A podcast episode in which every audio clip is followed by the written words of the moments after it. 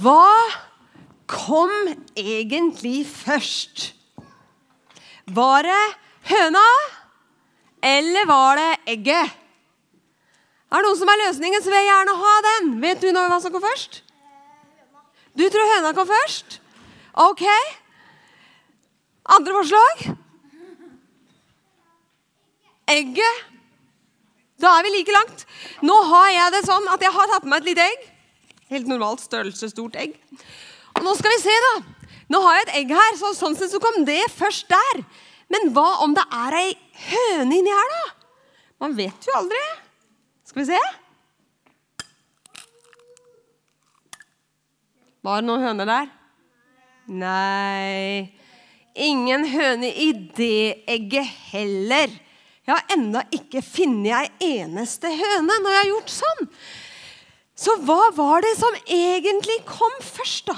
Av denne høna og egget. Det er en ting som mennesker har spurt seg sjøl om og klødd seg i huet i årevis.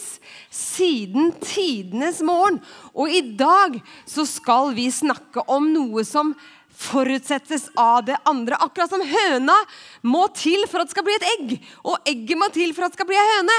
Så blir det litt sånn uh. Men det jeg skal snakke om i dag, det av det ene forutsettes av det andre, men det ene er nødt til å komme først. Her er ikke rekkefølga vilkårlig, som det heter. Det jeg skal prate om, er dette. Kjærlighet. Det er noe de aller, aller fleste mennesker heldigvis har opplevd, enten man er liten eller man er stor. Og kjærlighet Det er ikke alltid like lett å vite hvordan man skal beskrive det. da. Eller få stave det, f.eks. Det er ikke så lett å vite hvordan man skriver kjærlighet. Eller om kjærlighet, for den sakens skyld. Det har jo vært skrevet tusenvis av sanger om nettopp dette her. For det er så mangt som kan sies om det. Kjærligheten er det som gjør verden til et bedre sted å være. Kjærligheten er det som gjør at vi orker å stå i ting selv om det er tøft. Kjærligheten er det som gjør at håpet holder selv om vi er i ytterste mørke. For kjærligheten utholder alt. Kjærligheten tror alt, og det håper alt og tåler alt. Det står det i det som har fått navnet kjærligheten, Kjærlighetens høysang i Bibelen, i 1. Korinterbrevet, kapittel 13. Der står det. Men hvordan oppsto kjærligheten, da? Og hos hvem oppsto det? Og hvorfor er det sånn at kjærligheten av og til får oss til å gjøre de rareste ting hvis vi er forelska? Det er noen rare, Hvis vi hadde tatt runden rundt her, så tror jeg nok mange kunne ha fortalt om noen rare ting de gjorde når de var i forelskelsens rus. Men hvorfor er det sånn at av og til så er kjærligheten vanskelig, da? Og hvorfor er det akkurat som at kjærligheten ser ut til å ta slutt noen ganger? For det stå Eller det virker jo som at kjærligheten tar slutt noen ganger. Allikevel så står det i den nevnte høysangen at kjærligheten tar aldri slutt. Hva slags kjærlighet er det, da? Som aldri tar slutt? Den skulle jeg gjerne ha fått tak i. Den kjærligheten der. Og så lurer jeg på Er det sånn at det er forskjell på kjærligheter? Er det sånn at eh, den kjærligheten jeg har til f.eks. mannen min, da, eller du har til din mann eller kone, er litt annerledes enn den kjærligheten du har til barna dine? Som igjen er annerledes enn den kjærligheten du har til vennene dine? Kjærligheter kan være forskjellige. Men så kommer Jesus da, og så snakker han om at vi skal elske våre fiender. Hva slags kjærlighet er det? Og hvordan er det i det hele tatt mulig å elske en fiende? Det syns jeg høres vanskelig ut. I vår verden så er det heldigvis masse kjærlighet. Masse som er bra, og som kan, vi kan være så takknemlige for. Og så er det samtidig en del vondt. En del vondt som gjør at vi av og til ikke klarer å se det gode. For det er så mye vondt. Og vi kan føle oss som om at vi er liksom i mørket. Nå skal vi gjøre et lite eksperiment som handler om det. Og nå skal jeg hjelpe Reidun som står i døra der. Du kan bare bli stående der nede. Hun er ikke forberedt, så nå ser jeg hun så ganske sjokkert ut. Men hun skal ikke gjøre noe vanskelig. Hun skal gjøre det hun pleier å gjøre som møtevert. For nå skal jeg be deg. Reidun, kan du slå på litt mørke? Hei, vent litt. Går det an å slå på mørket? Nei. Hva gjør vi når vi skal slå på mørket? Hva må vi gjøre da? Vi må slå av lyset. Så da må du slå av litt lys, Reidun. Så blir det ikke helt mørkt her i dag, for vi har så masse ekstra lys siden advent. Men det ble litt mørkere fordi vi slo av lyset. Men hvis jeg sier Øy, du må slå av, nå ble det så mørkt her, da må vi slå av mørket. Kan vi si det, da? Nei. Hva må vi gjøre isteden, hvis vi skal ha det lysere? Du bak der. Vi må slå på lyset. Da må du slå på de to sammen en gang til. Og da blei det litt lysere igjen, fordi vi slo på lyset. For det er nemlig sånn med lys og mørke at vi kjemper mot mørket ved å få mer lys inn. Vi kan ikke, mer, vi kan ikke bekjempe mørket med mer mørke. Vi må bekjempe mørket med mer lys. Og sånn er det med kjærligheten og det vonde også. Vi kan ikke bekjempe hatet. Vi kan ikke bekjempe det vonde med mer hat og mer vondt. Vi må bekjempe det vonde med det gode. Vi må bekjempe hatet med kjærligheten.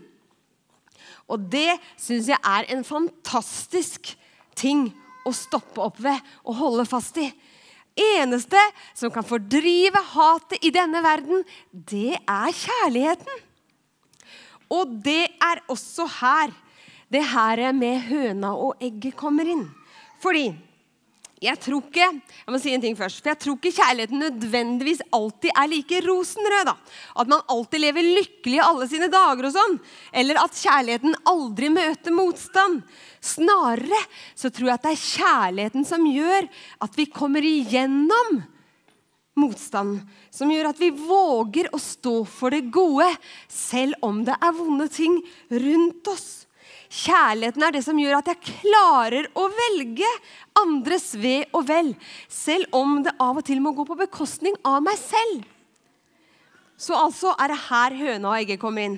For det er nemlig sånn at jeg ikke klarer bestandig å produsere den kjærligheten av meg sjøl. Akkurat som det egget der ikke klarer å produsere ei høne av seg sjøl. Fordi i meg så er det stadig ting som ser litt sånn ut. Sånn som han derre Sinna-Donald. At det tyter omtrent ut av ørene når det er som verst. Men så sier kjærlighetens høysang i Korinterbrevet at kjærligheten krenker ikke. Kjærligheten gjemmer ikke på det onde. Kjærligheten søker ikke sitt eget, og den er ikke oppfarende. Men så er det sånn at jeg har faktisk en tendens til å både gjemme på det onde og til å være oppfarende. Jeg har en tendens til de tinga her. Og det er derfor det er så godt å vite at det er ikke jeg som skal produsere den kjærligheten som kommer først. For den kjærligheten som kommer først, den kommer fra Han som er kjærlighet, nemlig Gud, som har skapt akkurat deg. Og han har skapt deg i sitt bilde, med sitt stempel, som gjør at du er i stand til å vise og leve ut den kjærligheten som han har. Han gir oss av sin kjærlighet, så vi kan gi den videre. Så tror ikke jeg det er sånn at alle de som ikke kjenner til Gud, ikke har kjærlighet. For jeg tror at alle mennesker er skapt i hans bilde. Alle mennesker er skapt med evne til å elske. Alle mennesker er skapt med evne til det gode. Takk Gud for det. Der er vi i samme båt. Men så ønsker han at vi skal bli kjent med han som er kjærlighet, sånn at vi kan få en dypere dimensjon og en enda større forståelse av det her greiene her. Og hjelp til å klare å gi den kjærligheten videre også når det strider imot meg sjøl. Og det er her Gud kommer inn, og det er her rekkefølgen ikke er tilfeldig. Så forteller Bibelen ganske mye om det. Og nå skal vi møte en kar som heter Johannes. Og han, han var en av disiplene til Jesus. Han fotfulgte Jesus i tre år mens Jesus var eh, rundt på jorda og var en voksen mann. Og Johannes han er en av de fiskekara du ser der. Han blei kalt av Jesus og sa Johannes, vil du være med en i mitt følge, så bli med. Så blei Johannes med. og Så fulgte han med i alt det Jesus gjorde. Og når han blei gammel, da så han ikke sånn ut, for det her bildet ble tatt en gang han var ganske ung. Og du ser det er ganske kornete, det bildet, så det er ganske gammelt. Eh, det har blitt bevart. Men det bildet er vel kanskje ikke akkurat fra da. Men det han skrev fra den gang da, det er blitt bevart gjennom kopier som har tatt godt vare på. Og de er gamle, de kopiene. altså. Og det fins så mange av de som er helt like, som kan på en måte bekrefte hverandre og vise oss at det Johannes skrev, det stemmer. Og når han skrev, så skrev han om mange av de tingene han opplevde sammen med Jesus på jorda. Men han skrev ikke alt. For han skrev at det, hadde jeg skulle skrive alt, så hadde det ikke vært plass til hele verden så mange bøker. For Jesus gjorde masse. Men når Johans var gammel, så skrev han mest om kjærligheten til Jesus. Kjærligheten til Gud. Og om hvilken kjærlighet Gud har for oss. Og Derfor fikk han kallenavnet Kjærlighetens apostel. Og en av de tingene han skrev, var at vi elsker fordi han, Gud, elska oss først. Her er ikke rekkefølga likegyldig. Gud elsker først. Derfor kan vi elske. Gud som er kjærlighet, har skapt oss i sitt bilde. Derfor så kan vi, uansett hva vi måtte tro om han, være i stand til å elske. Men så vil han gjerne at vi elsker ham tilbake. Det er ikke noe han heller vil enn akkurat det. Og det er derfor han kom i Jesus, for å vise oss at det finnes en bedre vei, som heter kjærlighetens vei, som er til Gud gjennom Jesus. Og i kjærligheten, der fins det ikke frykt, skriver Johannes. Så er det, som jeg sa i stad, ikke alltid at livet er like lett. Men Jesus vil allikevel hjelpe oss til å leve best mulig og til å ta tak i det vi måtte ha i livet våre.